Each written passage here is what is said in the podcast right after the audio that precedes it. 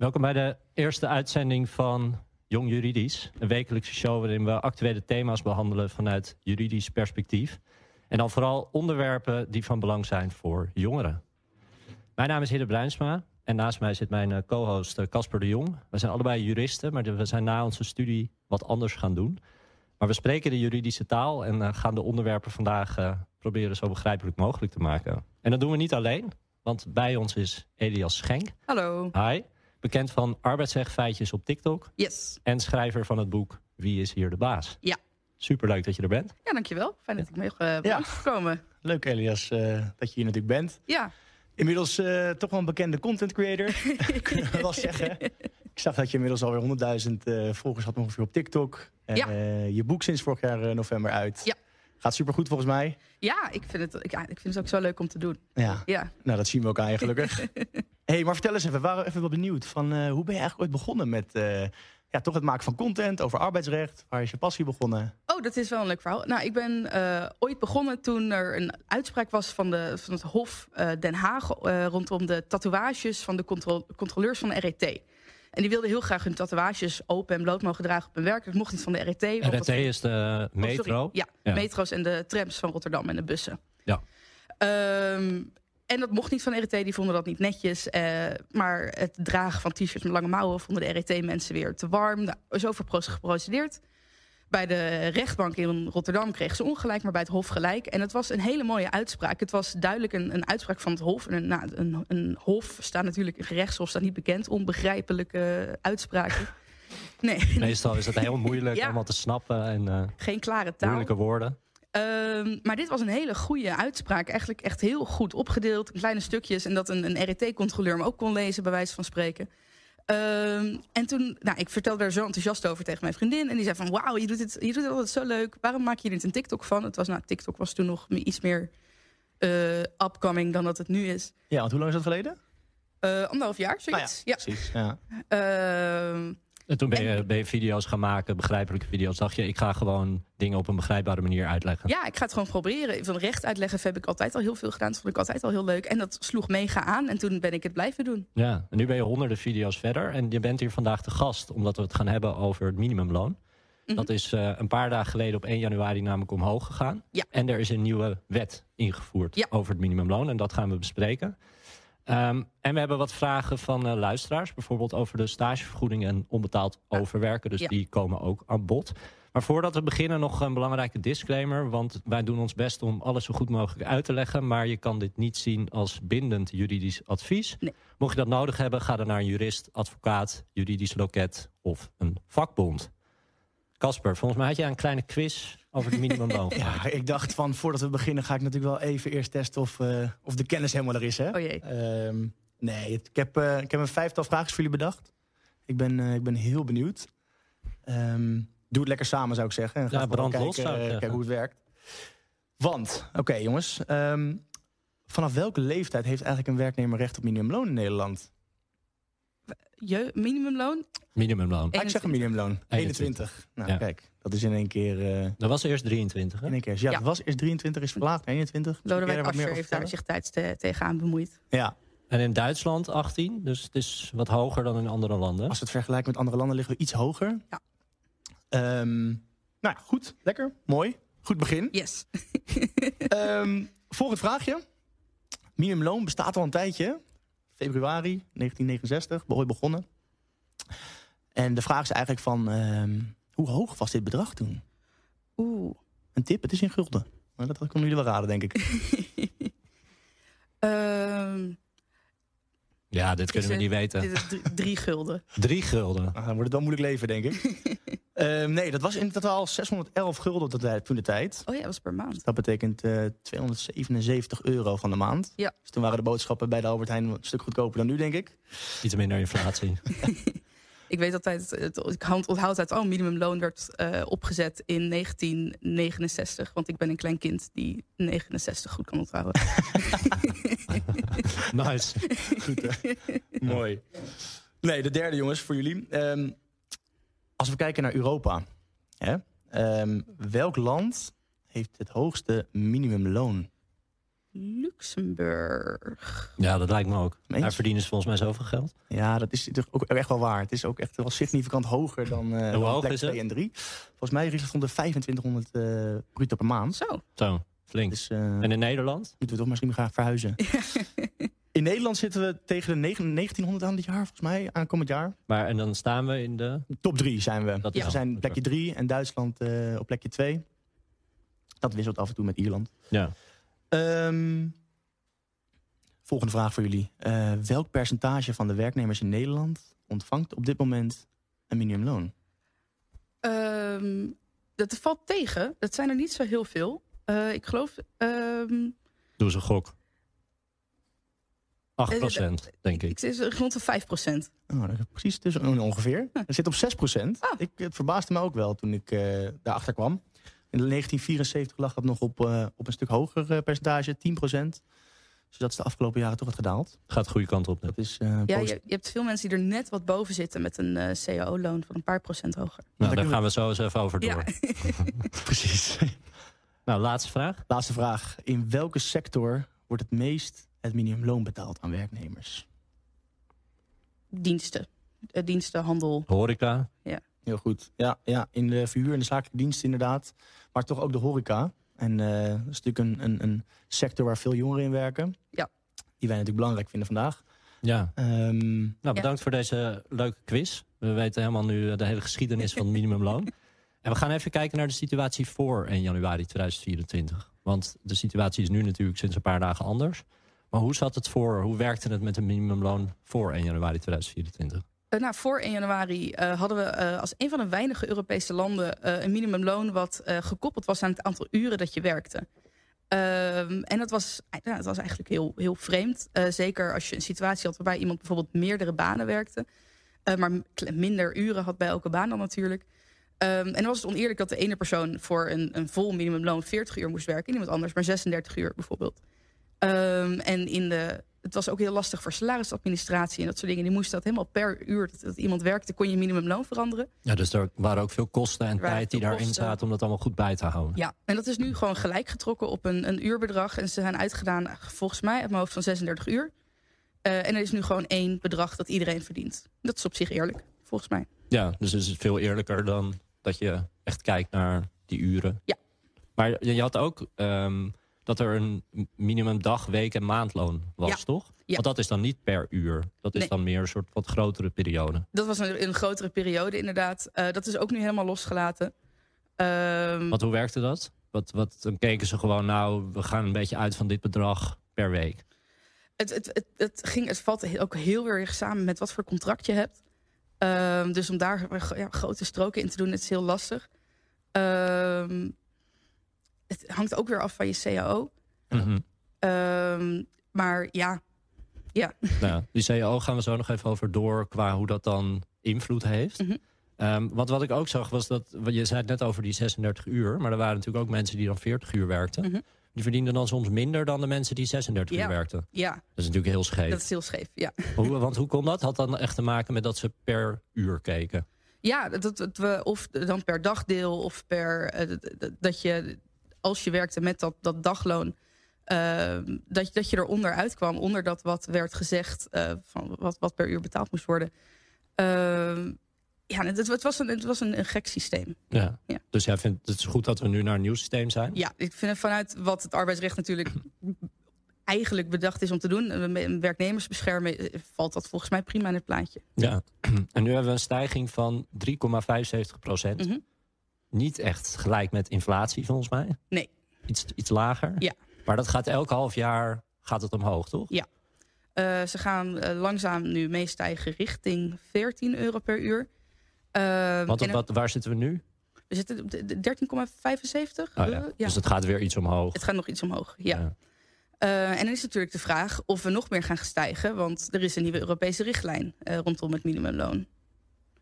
Ja, Ja, en hoe, hoe gaat dat effect, hoe gaat dat Eh, effect hebben? daar is een, is een berekening voor. Je moet eh, ik geloof 50% van, eh, van, ehm, van het gemiddelde minimumloon... en als, moet- eh, 60% moet het gemiddelde loon van een land moet dat zijn. Ehm, En dat zou, als je dan kijkt naar wat het gemiddelde, gemiddelde Nederlander verdient, dan kom je natuurlijk hoger uit dan het, het pure minimumloon wat we nu hebben. Ja. Dus dan kom je, ga je vrij hard richting de 14,5. Eh met de meest, de meest positieve berekeningen ga je heel hard naar 16 euro per uur. Ehm, Want hoe, als je kijkt naar andere Europese landen qua hoogte van de minimumloon. Nou ja, dat, dat- ja, Nederland betaalt vrij veel. Eh, we, we, we staan vrij hoog qua, qua minimumloon.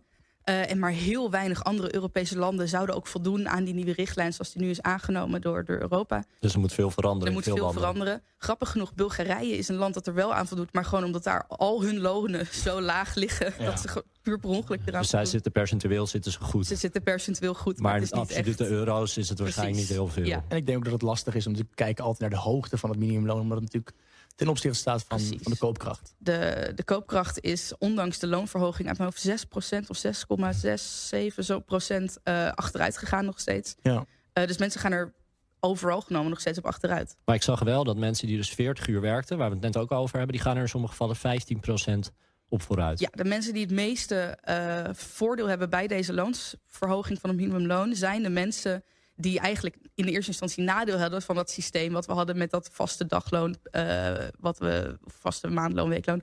Ehm, en dat die mensen die al vrij veel uren werkten. En die gaan nu opeens naar dat vaste bedrag per uur. En die gaan er flink op vooruit. Ja, en zijn er nog andere dingen die in die wet staan waarvan jij denkt dat is echt interessant? Ehm nou ja, het is wat, wat natuurlijk heel interessant is, is dat eh, de AOW gaat meestijgen. De, de, de uitkeringen stijgen hier. hier Ja, maar die zijn mee. gekoppeld, hè? Die zijn gekoppeld. Ja. Ja. Minimumloon. Ja. Ehm, wat is nog meer interessant? Nou, kan je ook nog te binnen schieten en dan kunnen we Ja. daar zo meteen nog even over, over hebben. Mhm. Ehm, we gaan even naar een luistervraag voordat we nog doorpraten over minimumloon. Mhm. Casper, jij had een, een vraag binnengekregen. Ik heb een vraag binnengekregen, zeker. Vraag van Hugo. Eh, Hugo vraagt zich af, eh, overwerken zonder dat je er salaris voor krijgt. Is dat nog steeds toegestaan? Oeh, ehm, nou dat is, is eigenlijk een hele interessante vraag. Want het ligt eraan of je een minimumloon verdient. Eh, bij minimumloon zijn er andere regels voor overwerken dan als je boven het minimumloon verdient. Want wat zijn de grootste verschillen? Eh, bij minimumloon mag je niet tijd voor tijd in. Mag je voor je overwerk niet tijd voor tijd krijgen. Dus je mag niet een uurtje extra werken en dan extra uren vrij krijgen. Dat die moeten gewoon uitbetaald worden. Als je meer dan minimumloon verdient, mag het wel. Eh, belangrijk is om te eerst natuurlijk om te zeggen dat overheid, eh, overwerk bijna nooit verplicht kan worden. Er zijn een paar hoge segment werknemers, uitzonderingen. Bankdirecteur kan iets meer verplicht worden dan een, eh, een Albert Heijn medewerker. Die moet dat weer een uurtje maken. Die moet, ja, daar is het wat normaler in, in de sector dat daar eh, over gewerkt wordt. Maar ehm, over het algemeen, als je minimumloon verdient, eh, moeten je overuren worden uitbetaald. Punt. Ja, want als we bijvoorbeeld kijken naar advocaten, wat je net zei, eh, die hebben ook gewoon een contract voor 36 of 40 uur. Maar in de praktijk zitten Ja. die gewoon op 60 uur per week. Precies, ja. Maar die uren worden niet uitbetaald. Nee. Want zij verdienen veel meer dan het minimumloon. Ja. Dus dat Eh. is altijd een goede balans om te kijken van... hey, heb ik daar misschien recht op? Mhm. Dat je ook even gaat kijken, wat verdien ik nou eigenlijk? Ja. Zit ik op dat minimumloon of zit ik daar ver boven? Ja. En zo ja, waar heb ik dan recht op?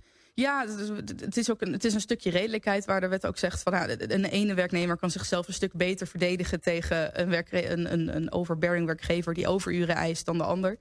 Eh, en een advocaat kan daar natuurlijk een stuk makkelijker weerwoord tegen bieden dan de ja, gemiddelde eh, bakkersknecht. Ja. Exact. Voor de muzikale break en de luistervraag hadden we het al even over de verhoging van het minimumloon. Maar ik wilde het nu nog wat eh, concreter maken voor luisteraars. Ehm, en even kijken naar een rekenvoorbeeld. Ja. Ik, heb, ik heb gekeken, iemand van 16 jaar die bijvoorbeeld in de horeca werkt, die verdient 4,58 per uur. Ja. Maar net in de quiz hadden we het erover van ja, maar het minimumloon is pas vanaf 21. Ja. Dus hoe, hoe, hoe zit dat als je 16 bent of, of jonger zelfs? Nou, dat is eigenlijk iets heel geks wat we in Nederland hebben. ehm, het, minimum jeugdloon. Eh, en dat is dat we zeggen, oh, je hoeft pas je rekeningen te betalen vanaf dat je 21 bent. Dus daaronder hoeven werkgevers je maar de helft te betalen. Ehm, nou, hoeveel werkgevers kiezen ervoor om vrijwillig een vol minimumloon uit te keren aan, aan nou, mensen van 16? Eh, nou, heel weinig. Ehm, dus dat is een, een hele gekke situatie. Dat als iemand eh, nou, 18 is en die heeft twee jaar gewerkt voor eh, een, een, een horecazaak. En die week komt er iemand van 21 daar werken. Dat die het dubbele krijgt aan, aan, aan loon, zo'n beetje. En meer dan een dubbele krijgt aan loon. En toch een week ervaring heeft ten opzichte van iemand die daar twee jaar heeft gewerkt. Dus dan is het voor de werkgever eigenlijk helemaal niet een incentive om, om iemand van 21 Nee. aan te nemen. Ehm, en er zijn, allemaal, eh, er zijn allemaal redenen voor. Van het zou zijn om de jeugdwerkeloosheid terug te dringen. Het zou gaan om eh, nou, die jongeren die, die werken, die hebben toch geen eigen rekeningen. Die zijn nog afhankelijk van hun ouders, dus dat maakt niet zoveel uit. Dus kunnen we ze wel minder betalen. Dus we kunnen ze wel binnen betalen. Eh, Een van de, de andere argumenten ooit heel lang geleden was... ja, maar we moeten jongeren ook niet in de, de, de incentive geven om te gaan werken. Dus ze moeten vooral niet te veel verdienen, want dan gaan ze maar niet? naar school. Oh, dan gaan ze... Ja. Maar je leert toch ook heel veel van werken? Ja, dat zou je kunnen zeggen. En bovendien, dat is natuurlijk een hele gekke eh, argumentatie. Je doet gewoon hetzelfde werk, dus dan krijg je hetzelfde betaald. We gaan ook niet zeggen, oh, iemand is getrouwd, dus jij kan je kosten met iemand delen, dus jij hoeft minder betaald te worden. Ja, want iemand van 21, die verdient 13,27 euro per Ja. uur. Dus dat is wel echt, Dat een, echt een, flink verschil. Ja, Die zouden op zich hetzelfde werk kunnen doen. ja. Nou ja, die doen vaak Die ook doen hetzelfde, werk. Dan bedoel, Ja. eh, vakken vullen of je nou eh, 16 bent of 21. Het zijn dezelfde vakken en dezelfde pakken koffie. Die Ja. komen net iets hoger. Ja. Maar jij, jij vindt dus wel dat dat wat meer gelijk zou moeten worden getrokken. Ja, en daar zijn heel veel stemmen nu mee bezig. Je hebt de, de, de jeugdlooncampagne nu natuurlijk van FNV Young United. Maar er zijn breder, politiek is daar nu ook draagvlak voor gelukkig. Dus ik hoop dat het, eh, dat het doorgezet wordt. Eh, en er waren altijd heel veel mensen die zeiden... ja, moet je mee uitkijken. Dan Kijk naar Spanje, enorme jeugdwerkeloosheid. Eh, dat gaat zorgen voor inflatie.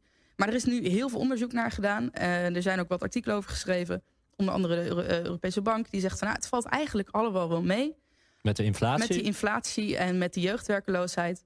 We hoeven daar niet zo bang voor te zijn. We zagen ook, we hebben natuurlijk al eerder gedaan, het jeugdloon eh, van 23 naar 21. En dat had eigenlijk geen effect op dan wel werkloosheid van jongeren, dan wel inflatie. Ja, want in Duitsland zeiden we net, zit je al op 18. Ja. Heb je al het normale loon. Dus dat zou in Nederland misschien ook wel een idee En kunnen eh, zijn. inderdaad, in Duitsland lag het inderdaad lag dat je, eh, jeugdloon inderdaad ook ooit hoger. Ze hebben het toen ook verlaagd. Eh, en je zag dat er eigenlijk alleen maar de welvaart toenam. Want jongeren krijgen meer geld, gaan meer uitgeven. En dat pompt de economie gewoon. Ja. En jij bent Ja. daar dus ook fan van. Absoluut, ja. Ja. En eh, als we nu, want we hadden het net over de verschillen tussen het eh, vorige systeem en het nieuwe systeem. Mhm. Gaan jongeren onder de 21 naar nou het nieuwe systeem op vooruit? Een beetje. Een ze, beetje. ze stijgen 10 mee. cent. Ja, Nee, maar wat is wel een beetje is gewoon dat er, er komt een klein beetje er loon komt bij. een klein beetje loon bij. Ik geloof dat het, dat het een euro zoiets is. Het, is. het is ook iets van 3% in totaal. Ja. En nu heb je natuurlijk ook cao's. Ja. Dat zijn, nou, kun je even uitleggen voor de luisteraar, wat is een cao? Eh CAO, een collectieve arbeidsovereenkomst. Dat is een soort overkoepelende overeenkomst eh, die in een bedrijfstak of in een bedrijf wordt gesloten met arbeidsafspraken die voor iedereen gelden. Eh, denk aan afspraken over wanneer je vrij bent rondom de feestdagen, maar ook eh, hoe we omgaan in een bedrijf met ziek zijn. Of ja, je kan het eigenlijk zo gek niet bedenken, of je kan het wel afspreken in een CAO tot Ja, dus leaseauto's aan toe. In de horeca heb je een cao, maar ook uitzendkrachten hebben Ja. ook allemaal een cao. Eh, de- ja, de, de, de supermarkten hebben een CAO en Behalve grote bedrijven. Picnic. Behalve Picnic. Nee, die hebben de e-commerce. Nou ja, die wilde heel lang niet mee. Die wilden heel lang niet meedoen, maar die, die moesten. Dat wordt nog interessant.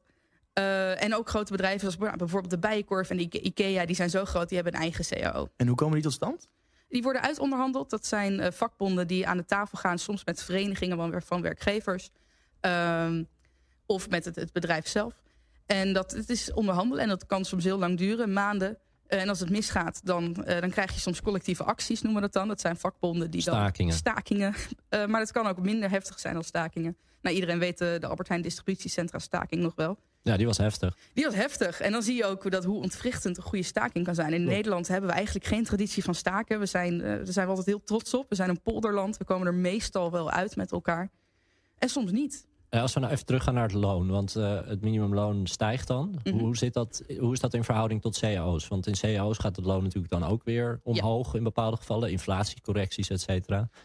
Ja, En dat komt er dan weer bovenop. Ja, het, het hoeft niet. De, een CAO-loon is een CAO-loon. Maar wat je heel veel ziet, is dat zo'n CAO-loon toch eh, gekoppeld is op een of andere manier aan het minimumloon. Eh, en dat het meestijgt. Dus eh, ook al verdient maar een klein percentage van de Nederlanders minimumloon. Eh, Dat is 6, veel- 6 procent, toch? 6% Maar interessant van de eh, mensen met een niet-Nederlandse achtergrond, bijna 25% Serieus? Ja, ja Oh, dat is echt heftig. Ja. Eh, en een- als, als je onder de 22 bent, is het ook een, een vrij groot deel. Ehm, maar eh, je ziet dat het heel veel Nederlanders gaan daar toch van mee profiteren. Ook al verdienen ze geen minimumloon. Ja. Maar als, je- als ik het goed begrijp, dan zullen de andere lonen dus waarschijnlijk ook meestijgen Ja. daarin. Is dat allemaal nog wat te betalen dan? Ja, daar wordt veel over geklaagd. Ehm, Het, bedoel, een loonstijging hoort bij. De, stijging in, in, in het loon hoort bij, wat mij betreft, bij een ondernemingsrisico. Eh, je, je personeel fatsoenlijk uitbetalen hoort erbij. Ehm, en in de, zeker in de grote branches. ik bedoel, Jumbo heeft dit jaar een om- omzet van 11 miljard.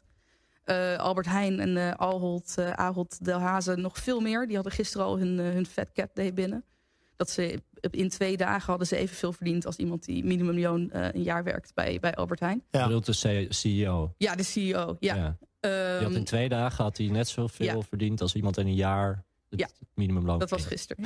Dat is vrij snel. dat is vrij snel. Nee, tuurlijk. Maar voor de grote branches zou ik het misschien begrijpen. Hè? Maar we hebben natuurlijk ook een kleine MKB, het, de Ja. kleinere bedrijven. Ik kan toch best begrijpen als daar een grote groep toch in één keer een loonhuis kan omvallen. Er moet meer betaald worden. Hoe? Zeker. Ehm, daar, dus er wordt gevraagd om meer steun voor, voor kleine ondernemers. Daar wordt, de politiek is daar op zich mee bezig. Eh, maar ja, de voor- ja, formatie zijn natuurlijk, is, is nog in gang. Dus we weten niet wat daaruit gaat komen. Maar het gaat daarom ook in stapjes. We, we, hebben niet morgen opeens een minimumloon van 15 euro. Ehm, Hoewel toch wat partijen daarvoor waren. Hè? ja, er zijn wat partijen die ervoor waren. De, de, de, wat vroeger de hashtag voor 14 was, is nu inmiddels de hashtag voor, voor 16. Ehm, maar het is aan de andere kant, ja, eh, je- een, een situatie waarin, je, waarin mensen niet kunnen rondkomen van hun werk is, is onwenselijk. En dan zal het geld op andere plekken vandaan moeten komen, dan wel van de winst. eh, dan wel op, op andere eh, besparingen. Maar bijvoorbeeld horeca. Die hebben toch Mhm. al heel veel horecazaken hebben het natuurlijk wel zwaar al. Mhm. Qua, die moeten nog coronaschuld terugbetalen. De marges zijn laag. De tenten zitten allemaal vol, maar toch lukt het ze niet om genoeg winst te maken. Mhm. Ik denk dat in de horeca best wel wat mensen minimumloon verdienen. Mhm. En dat gaat dan nu weer verder omhoog. Denk jij dat, dat we dan ook weer meer gaan betalen voor ons... Voor je biertje. Ja, voor je broodje, voor je, Ja. voor je eten, voor, Het is vervelend. voor je biertje. Ehm, nou ja, wat ik zei, in, in, in eerdere gevallen ehm, viel het heel erg mee, de gevolgen van loonsverhoging op inflatie. Ehm, wat de, door de inflatie van afgelopen jaar, het woord van, een- van 2023 was niet voor niks, grijflatie. Eh, de inflatie was voor het groot deel dat, dat bedrijven meer winst wilden. Eh, en die hebben ze gekregen. En dan krijgen nu de mensen die graag hun huur willen betalen, krijgen nu de schuld. Ehm, de problemen liggen niet bij de mensen die die euro meer per uur verdienen. Ehm, vind ik, ja. Nee, duidelijk.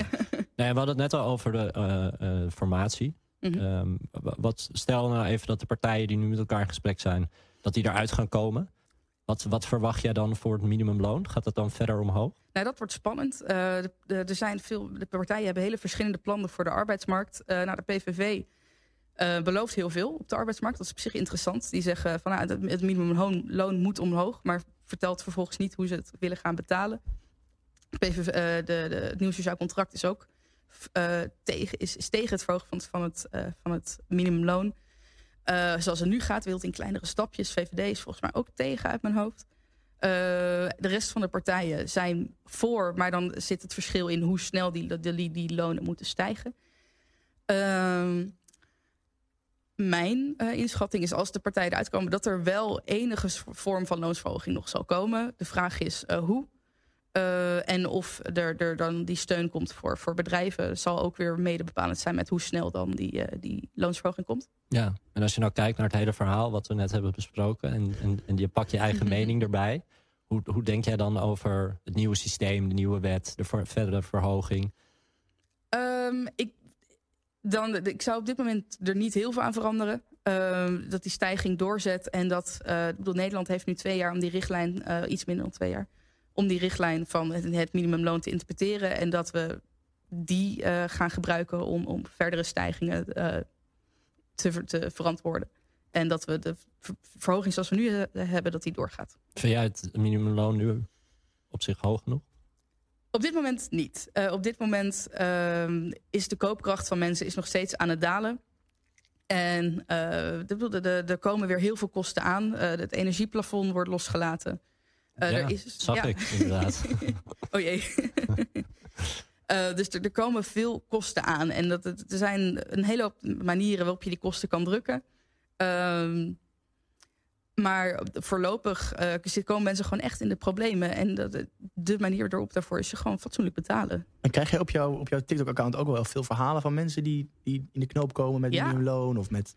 Ja, ik, ik krijg veel mensen. eh, een veel gehoord probleem is dat onbet- eh, onbetaald overwerken. Eh, wat je veel hoort is, is vakantieuren die je, die je niet mag opnemen, maar ze vervolgens ook niet uitbetaald mag krijgen. Dus dat je ze in hele korte stukjes moet gaan opnemen. Dat je, dat je twee uur eerder dan naar huis gaat en dat je zo door je vakantiedagen heen moet, moet slopen. Nou, dat, daar heeft niemand wat aan natuurlijk aan het eind van de dag. Ehm, ja, misschien, ja, misschien trouwens. Miss- Er zal vast iemand iets aan hebben. Maar, Maar het leeft, het leeft zeker onder, het leeft zeker. onder ja. jongeren. Ja. Ja.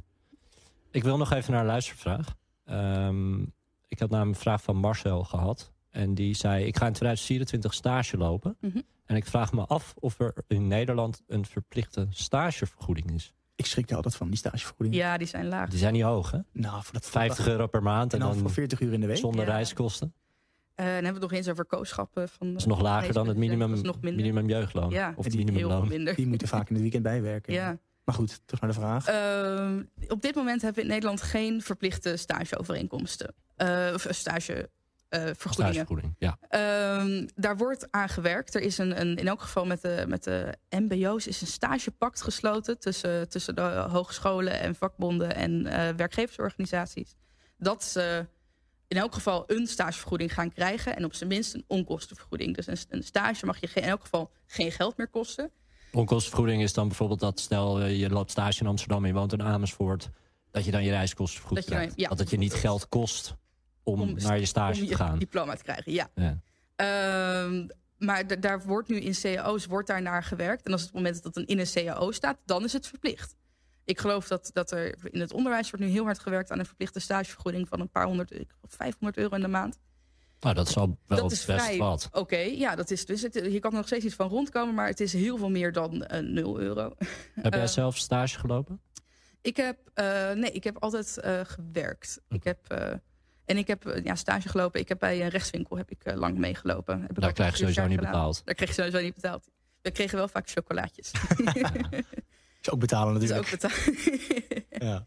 Ehm, maar eh, op het moment dat het in zo'n cao staat... en het is de bedoeling van vakbonden en van hogescholen... om zoveel mogelijk te pushen voor veel meer cao's. Er komen veel nieuwe onderhandelingen aan. Veel cao's zijn afgelopen eh, in, het, in het oude jaar. Ja. Dat die zoveel mogelijk nu weer er, erin komen. ja. Maar concluderend voor Marcel, er is dus op dit moment geen verplichte stagevergoeding. Nee, tenzij die toevallig stage gaat lopen in een sector waar er een stagevergoeding eh, overeengekomen is. En je moet bij een stage natuurlijk altijd opletten. Ben je nog wel echt een stagiair? En op het moment dat jij gewoon werk aan het doen bent wat de loondienstmensen ook aan het doen zijn, dan kan je heel serieus gaan kijken of Maar je hoe- toch hoe een dat- arbeidsovereenkomst hebt. Hoe kun je dat zien? Oeh.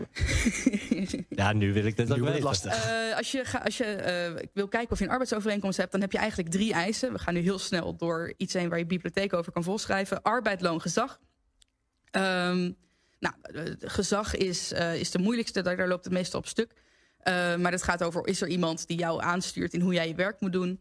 Eh, loon is, nou, loon krijg je, krijg je betaald voor je werk. Dat mag ook in Natura trouwens. Als jij appeltjes plukt, mag je worden uitbetaald in jouw geplukte appeltjes Chocolaatjes. chocolaatjes. Eh, en arbeid. Eh, nou, arbeid is vrij breed. Slapen kan, kan al arbeid zijn als jij een, een slaapdienst hebt in een ziekenhuis bijvoorbeeld. En maar, maar arbeid loopt die vaak stuk bij stagiairs. Want dan zegt de wet, je werkt niet. Jij bent daar om ervaring op te doen. Jij bent daar voor jezelf en niet om te werken. En op het moment dat je wel aan het werk bent... eh, nou, bijvoorbeeld als je echt exact hetzelfde doet als de mensen die daar in loondienst zijn... zonder dat jij er heel veel van leert... dan kan je serieus kijken, met wel hulp van jurist... zou ik daar wel aan bevelen, of je niet toch een arbeidsovereenkomst hebt. Ik kan me dus voorstellen dat eh, jij wordt daar achter een computer gezet. En ze zeggen, nou, eh, we hebben een hele map met spullen. Ja. Ga die maar filen. Ja. Daar leer je misschien helemaal niks van. Nee. Maar je bent wel werk aan het doen waar Ja. dat bedrijf eigenlijk van profiteert. Ja, Zonder dat jij daar dus voor betaald krijgt. denk aan, de, aan die eindeloze stagiaires in de zorg... die zo verschrikkelijk zwaar zijn... die, die eigenlijk heel snel alleen moeten werken zonder, zonder begeleider. Daar zou je heel wat eh, voor kunnen zeggen... omdat dat, dat gewoon een arbeidsovereenkomst is. En dan kan je achteraf zeggen, dan had je me moeten betalen. Maar wat kun je dan doen als stagiair? Je gaat zo'n bedrijf niet aanklagen. Nee, ja, dan is het beste wat je kan doen juridische bijstand zoeken. Eh, nou, een vakbond kan daar heel veel mee doen. Een rechtswinkel of als je eh, het aandurft, een, een advocaat.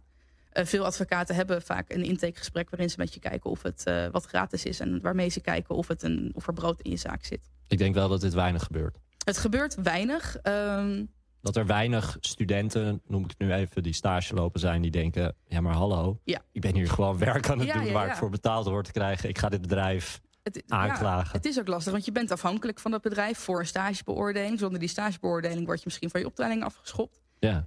Ehm, maar het is, het, er zou, als, als, als, als, als daar, we daar wat strenger op zouden zijn, denk ik dat er heel veel te halen valt. En we hadden het in de intro hadden we het even over je boek. Ja. Ik eh, was benieuwd, hoe, eh, hoe gaat dat nu? Uh, nou, ik heb inderdaad een boek geschreven. Het heet Wie is hier de baas? Uh, het arbeidsrecht simpel uitgelegd. En het is inderdaad een, uh, een soort gids voor, voor elke fase van de arbeidsovereenkomst waarin je kan zitten. het is opgedeeld in drie delen. Voor de arbeidsovereenkomst, tijdens de arbeidsovereenkomst en na de arbeidsovereenkomst. En dan eigenlijk alle basics van welke vragen mogen worden gesteld tijdens een sollicitatie... tot wat moet ik doen als ik ziek ben of hoe ga ik om met mijn pensioen. komen allemaal aan bod. En het is uh, geschreven voor, voor iedereen die te maken krijgt met arbeid. Uh, tot ja, mensen die een eerste bijbaantje hebben... of mensen die een eerste grote mensen bijbaantje hebben. Of HR-medewerkers. Of HR-medewerkers. Ja, uh, mensen die werkgevers zijn. Is het ook echt voor... Het is gewoon voor iedereen die te maken heeft met werk. werkgevers, HR-medewerkers. Maar bijvoorbeeld ook ouders wiens kinderen een eerste baantje hebben. Um, ik geef altijd het voorbeeld. ik werkte vroeger ooit in een restaurant. En ik wist zelf natuurlijk ook niet hoe het zat. En uh, ik moest daar een keer tot... Nou, het was echt twee uur geworden. Dat, dat restaurant was tot laat volgezeten. Mijn ouders waren helemaal in paniek met waar is ons kind? nou, uh, nou, de keuken aan het schoonmaken. Ja, precies. Uh, nou, voor dat soort... Lang overgewerkt. Ja. en wilde je altijd al een boek schrijven? Dat is wel grappig. Ik heb heel lang geroepen van... Oh, ik wil schrijver worden. toen wilde ik een tijdje brandweerman worden. en daarna ben ik eigenlijk altijd teruggegaan naar jurist. En wilde ik een tijdje strafrecht doen. Dat leek me wel spannend. Dan ging ik de, de wereld redden. En uh, daarna bij het arbeidsrecht terechtgekomen. Daar vond ik wel echt mijn plekje. En dan zeker ook de, de werknemerskant. En het, uh, de mensen voor wie het arbeidsrecht is geschreven. Namelijk de mensen die uh, het moeilijk... Ja, die beschermd moeten worden tegen, tegen bedrijven die ze willen uitbuiten. Nou, die kant op. Ja, klinkt goed. Ja. Hey, je hebt ook iets meegenomen waar je aandacht voor wil vragen? Ja. Wat, wat heb je meegenomen? Uh, dit is een van de boeken waar ik het meeste van heb geleerd uh, buiten de studie. Het is uh, De Hoge Raad van Onderen. Um, en het, het, is een, het, is, het is een vrij technisch en toch een heel toegankelijk boek over beroemde standaardarresten die de, die de Hoge Raad natuurlijk heeft gewezen. Voor de luisteraars standaardarresten. Dat zijn uh, zulke belangrijke arresten dat elke rechtenstudent in Nederland ze eigenlijk altijd moet leren. Die kunnen ze dromen. Die kunnen ze dromen. Uh, denk de, het, het uh, kelderluikarrest, dat soort dingen. Uh, elke rechtsstudent zegt, oh ja. Elke die, die kennen we allemaal. Ja, die je s'nachts wakker maakt en zegt, ja. leg even kelderluik leg uit. Kelderarrest uit die, ja. die, die, komt een heel eind, denk ja. ik. Ja. Uh, maar dit boek gaat juist niet over die arresten, maar over de, me uh, de mensen waar, waarvan die arresten waren. Dus, dus de mensen die ooit door dat kelderluik zijn gevallen. Oh. Oh wow. Ja, en echt, het is uh, en het legt heel erg bloot met uh, hoe verdergaand de volgen van, van recht zijn op mensen. Uh, en ik denk dat juristen en, en, beleidsmedewerkers dat heel erg onderschatten. je ligt echt in de kreukels na, na een arbeidsconflict. Je, je, dat duurt maanden, soms jaren. En, en, een jurist gaat naar huis en het is half zes en soms is het wat later en dan is het, is het klaar. Maar deze mensen vechten maandenlang voor hun bestaan kan ik volgende maand de huur nog wel betalen of de hypotheek. Ja, dat doet een hoop met dat je. Doet heel Mentaal, veel financieel, ja. uh, fysiek. En je ziet ook heel veel van, dan, dan leren we... Ik weet niet of jullie uh, vark, het varkensgrieparrest, varkenspestarrest nog wel weten. Ja, bestuursrecht. Denk, ik zou hem nu niet kunnen uitleggen. Nee. Maar, oh, bestuursrecht heb ik sowieso een beetje verdrongen. Ik moest het ook drie keer doen hoor. um, maar nou, dat, een heel, heel heftig arrest. Het wordt heel erg gebracht van... Nou, uiteindelijk kwam er een schadevergoeding. De boer kreeg een schadevergoeding. Het ging over een varkensboer. En dan lees je in het boek van... Ja, oké, ik kreeg wel een schadevergoeding... maar die man was al lang failliet. Er was niks meer van over. Dus het was helemaal niet zo positief als het, als het wordt gebracht. Uh, dus heel erg de, de gevolgen van, van recht uh, op, op buiten mensen de die ermee moeten leven buiten de rechtszaal. Ja. Legt ja. het super goed uit. En dat zie je eigenlijk niet in nieuws. Of als je een uitspraak nee. hoort, dan, dan weet je dat niet. Nee. De Hoge Raad van Onderen. Ja. Goeie tip. Echt voor iedereen die, die te maken heeft met recht en met het, beleiden, het beleid rondom ja. juridische dingen. Casper, ja, jij had ook iets meegenomen. Geen boek? Geen boek. Wel iets te maken met arbeid. Niet helemaal met het arbeidsrecht. Um, ik wilde er vandaag even de aandacht richten op uh, het stapbudget... wat natuurlijk dit jaar ah. uh, uh, verdwenen is. Gefaald ja. is het.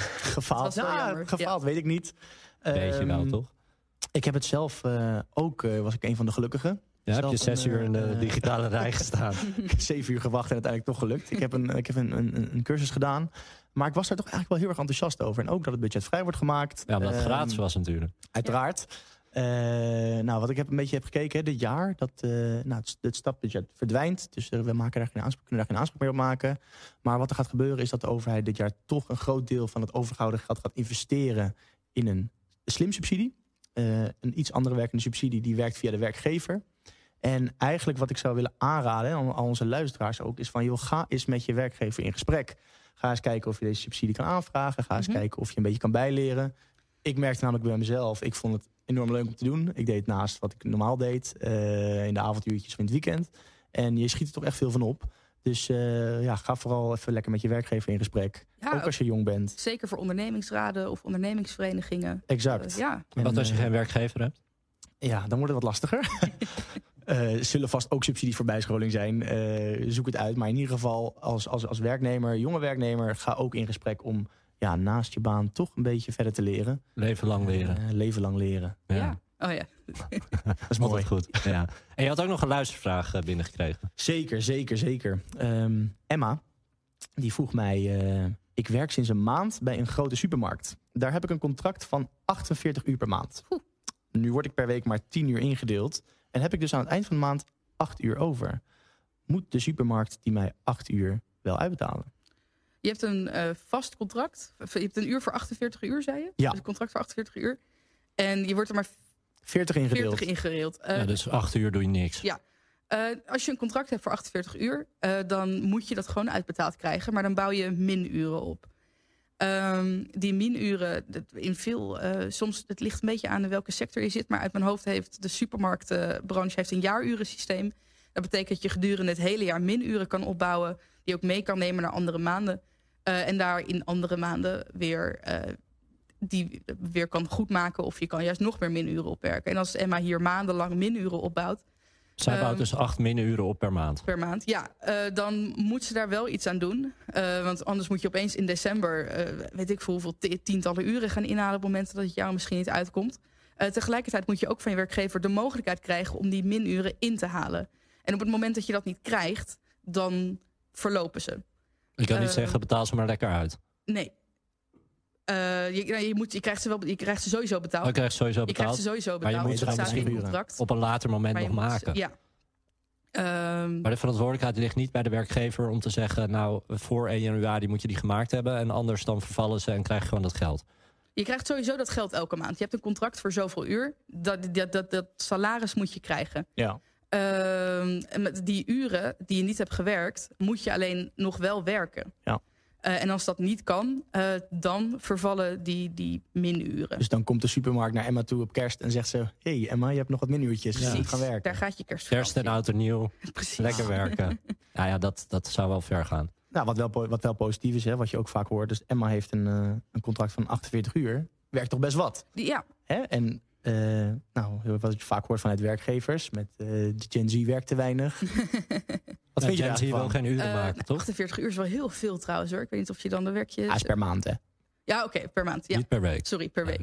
Eh, Maar merk je dat, Gen Z? Dat, ze, Ja. dat, dat, dat gaat natuurlijk vaak het verhaal van... ah, die willen niet werken, die hebben geen zin, die zijn lui, weet ik veel generatie, wat. Vissen, vissenkom-generatie. Precies. Ja. Nee, er is natuurlijk veel over te doen. Elke maand staat er wel een artikel in, in een dagblad weer over dat er weer een onderzoek is naar, naar Gen Z eh, werknemers. Ehm, er, is, er, is, er zijn grote tekorten op de arbeidsmarkt en bedrijven hebben echt problemen om nieuwe werknemers aan te trekken. Ehm, en dat komt omdat, dus, recent was er weer een, een, een, een, een onderzoek. Ze willen, Gen Z'ers willen over het algemeen gewoon wat minder uren werken. Die hebben andere ehm, prioriteiten. Die willen niet meer eh, leven om te werken, maar werken om te leven. Ehm, die hebben de gevolgen gezien van, van eh, de, de burn-outs van de generatie voor Klinkt hen. ook gezonder. Het klinkt ook gezonder. Het is een de 36-urige werkweek is veel gezonder en eh, uit onderzoek blijkt net zo effectief als een, als een 40-urige werkweek. Je, je, je snijdt niet in, het, in de werktijd, maar wel in de, men- in de werktijd dat mensen op werk zitten te Facebooken. Ja. Ja, daar heb je ook weinig aan. ja. Ehm, ze willen. eh, TikTok tegenwoordig. Maar denk jij wel, als je dus minder uren gaat werken, dat ze die uren wel effectief werken? Want ik, ik, Ja. eh, ik ga nu even generaliseren, maar ik Mhm. zie wel eens jonge mensen die dan hun telefoon naast hun hebben liggen en die hebben een schermtijd van acht uur. En dan denk ik, maar hoe ga jij nog werk doen? Eh, d- dat, natuurlijk is dat, is dat per, per persoon verschillend. Maar eh, over het algemeen zijn, zijn er gewoon veel onderzoeken gedaan naar die kortere werkweek. En het, het is gewoon punt 1 gezonder. En er net zo effectief, net zo efficiënt. Uh, er komt echt evenveel werk af. Um, hetzelfde geldt voor mensen die thuiswerken. Ook mensen die thuiswerken denken mensen van... Ah, dan ga je toch tussendoor snel wasje doen... of even de kinderen ophalen of, of dat soort dingen. Uh, dat valt heel erg mee. Uh, ik geloof onder andere de, Harvard Business Review... had daar een enorm onderzoek naar gedaan. Um, het, het werkt gewoon. En dat wantrouwen wat, wat werkgevers hebben... wat, wat, dat, dat onderbuikgevoel... Uh, daar zullen ze toch op de een of andere manier van af moeten... als ze een, een nieuwe, jongere generatie willen aantrekken ja. uh, voor hun bedrijf. Ja, dat hebben ze wel nodig. Ja. Zie je dat de komende jaren nog echt wel een, een verdere slag maken? Ja. He, want je uh, merkt het nu al wel een beetje ook in hoe bedrijven jongeren aantrekken... in hoe bedrijven hun, hun campagnes daarin. Ja. Zie je nog een verdere slag? Ja, dus je, zo je ziet dat steeds meer CEO's onder andere werken met uh, voltijd is 36 uur. En de, de, dat, de, dat je een voltijd salaris krijgt voor 36 uur werkweek, soms zelfs 32 uur. Um, je ziet dat uh, er steeds meer wordt gekeken naar, naar flexibel werken. Uh, naar tegelijkertijd onbereikbaar zijn voor je, naar je, voor je werkgever op, op bepaalde tijden. Um, en dus werkgevers zullen wel moeten. Um, want ze werk, werken, Gen Z'ers willen best wel werken, was de krantenkop laatst. Alleen niet voor jou. um, ja. ja, dat is een duidelijke boodschap. Ja. ja. Die kunnen we meegeven. Zeker. We gaan nog even naar, naar de laatste luistervraag. Die is van Joris. Die vraagt, vorige week heb ik me ziek gemeld bij het restaurant waar ik werk.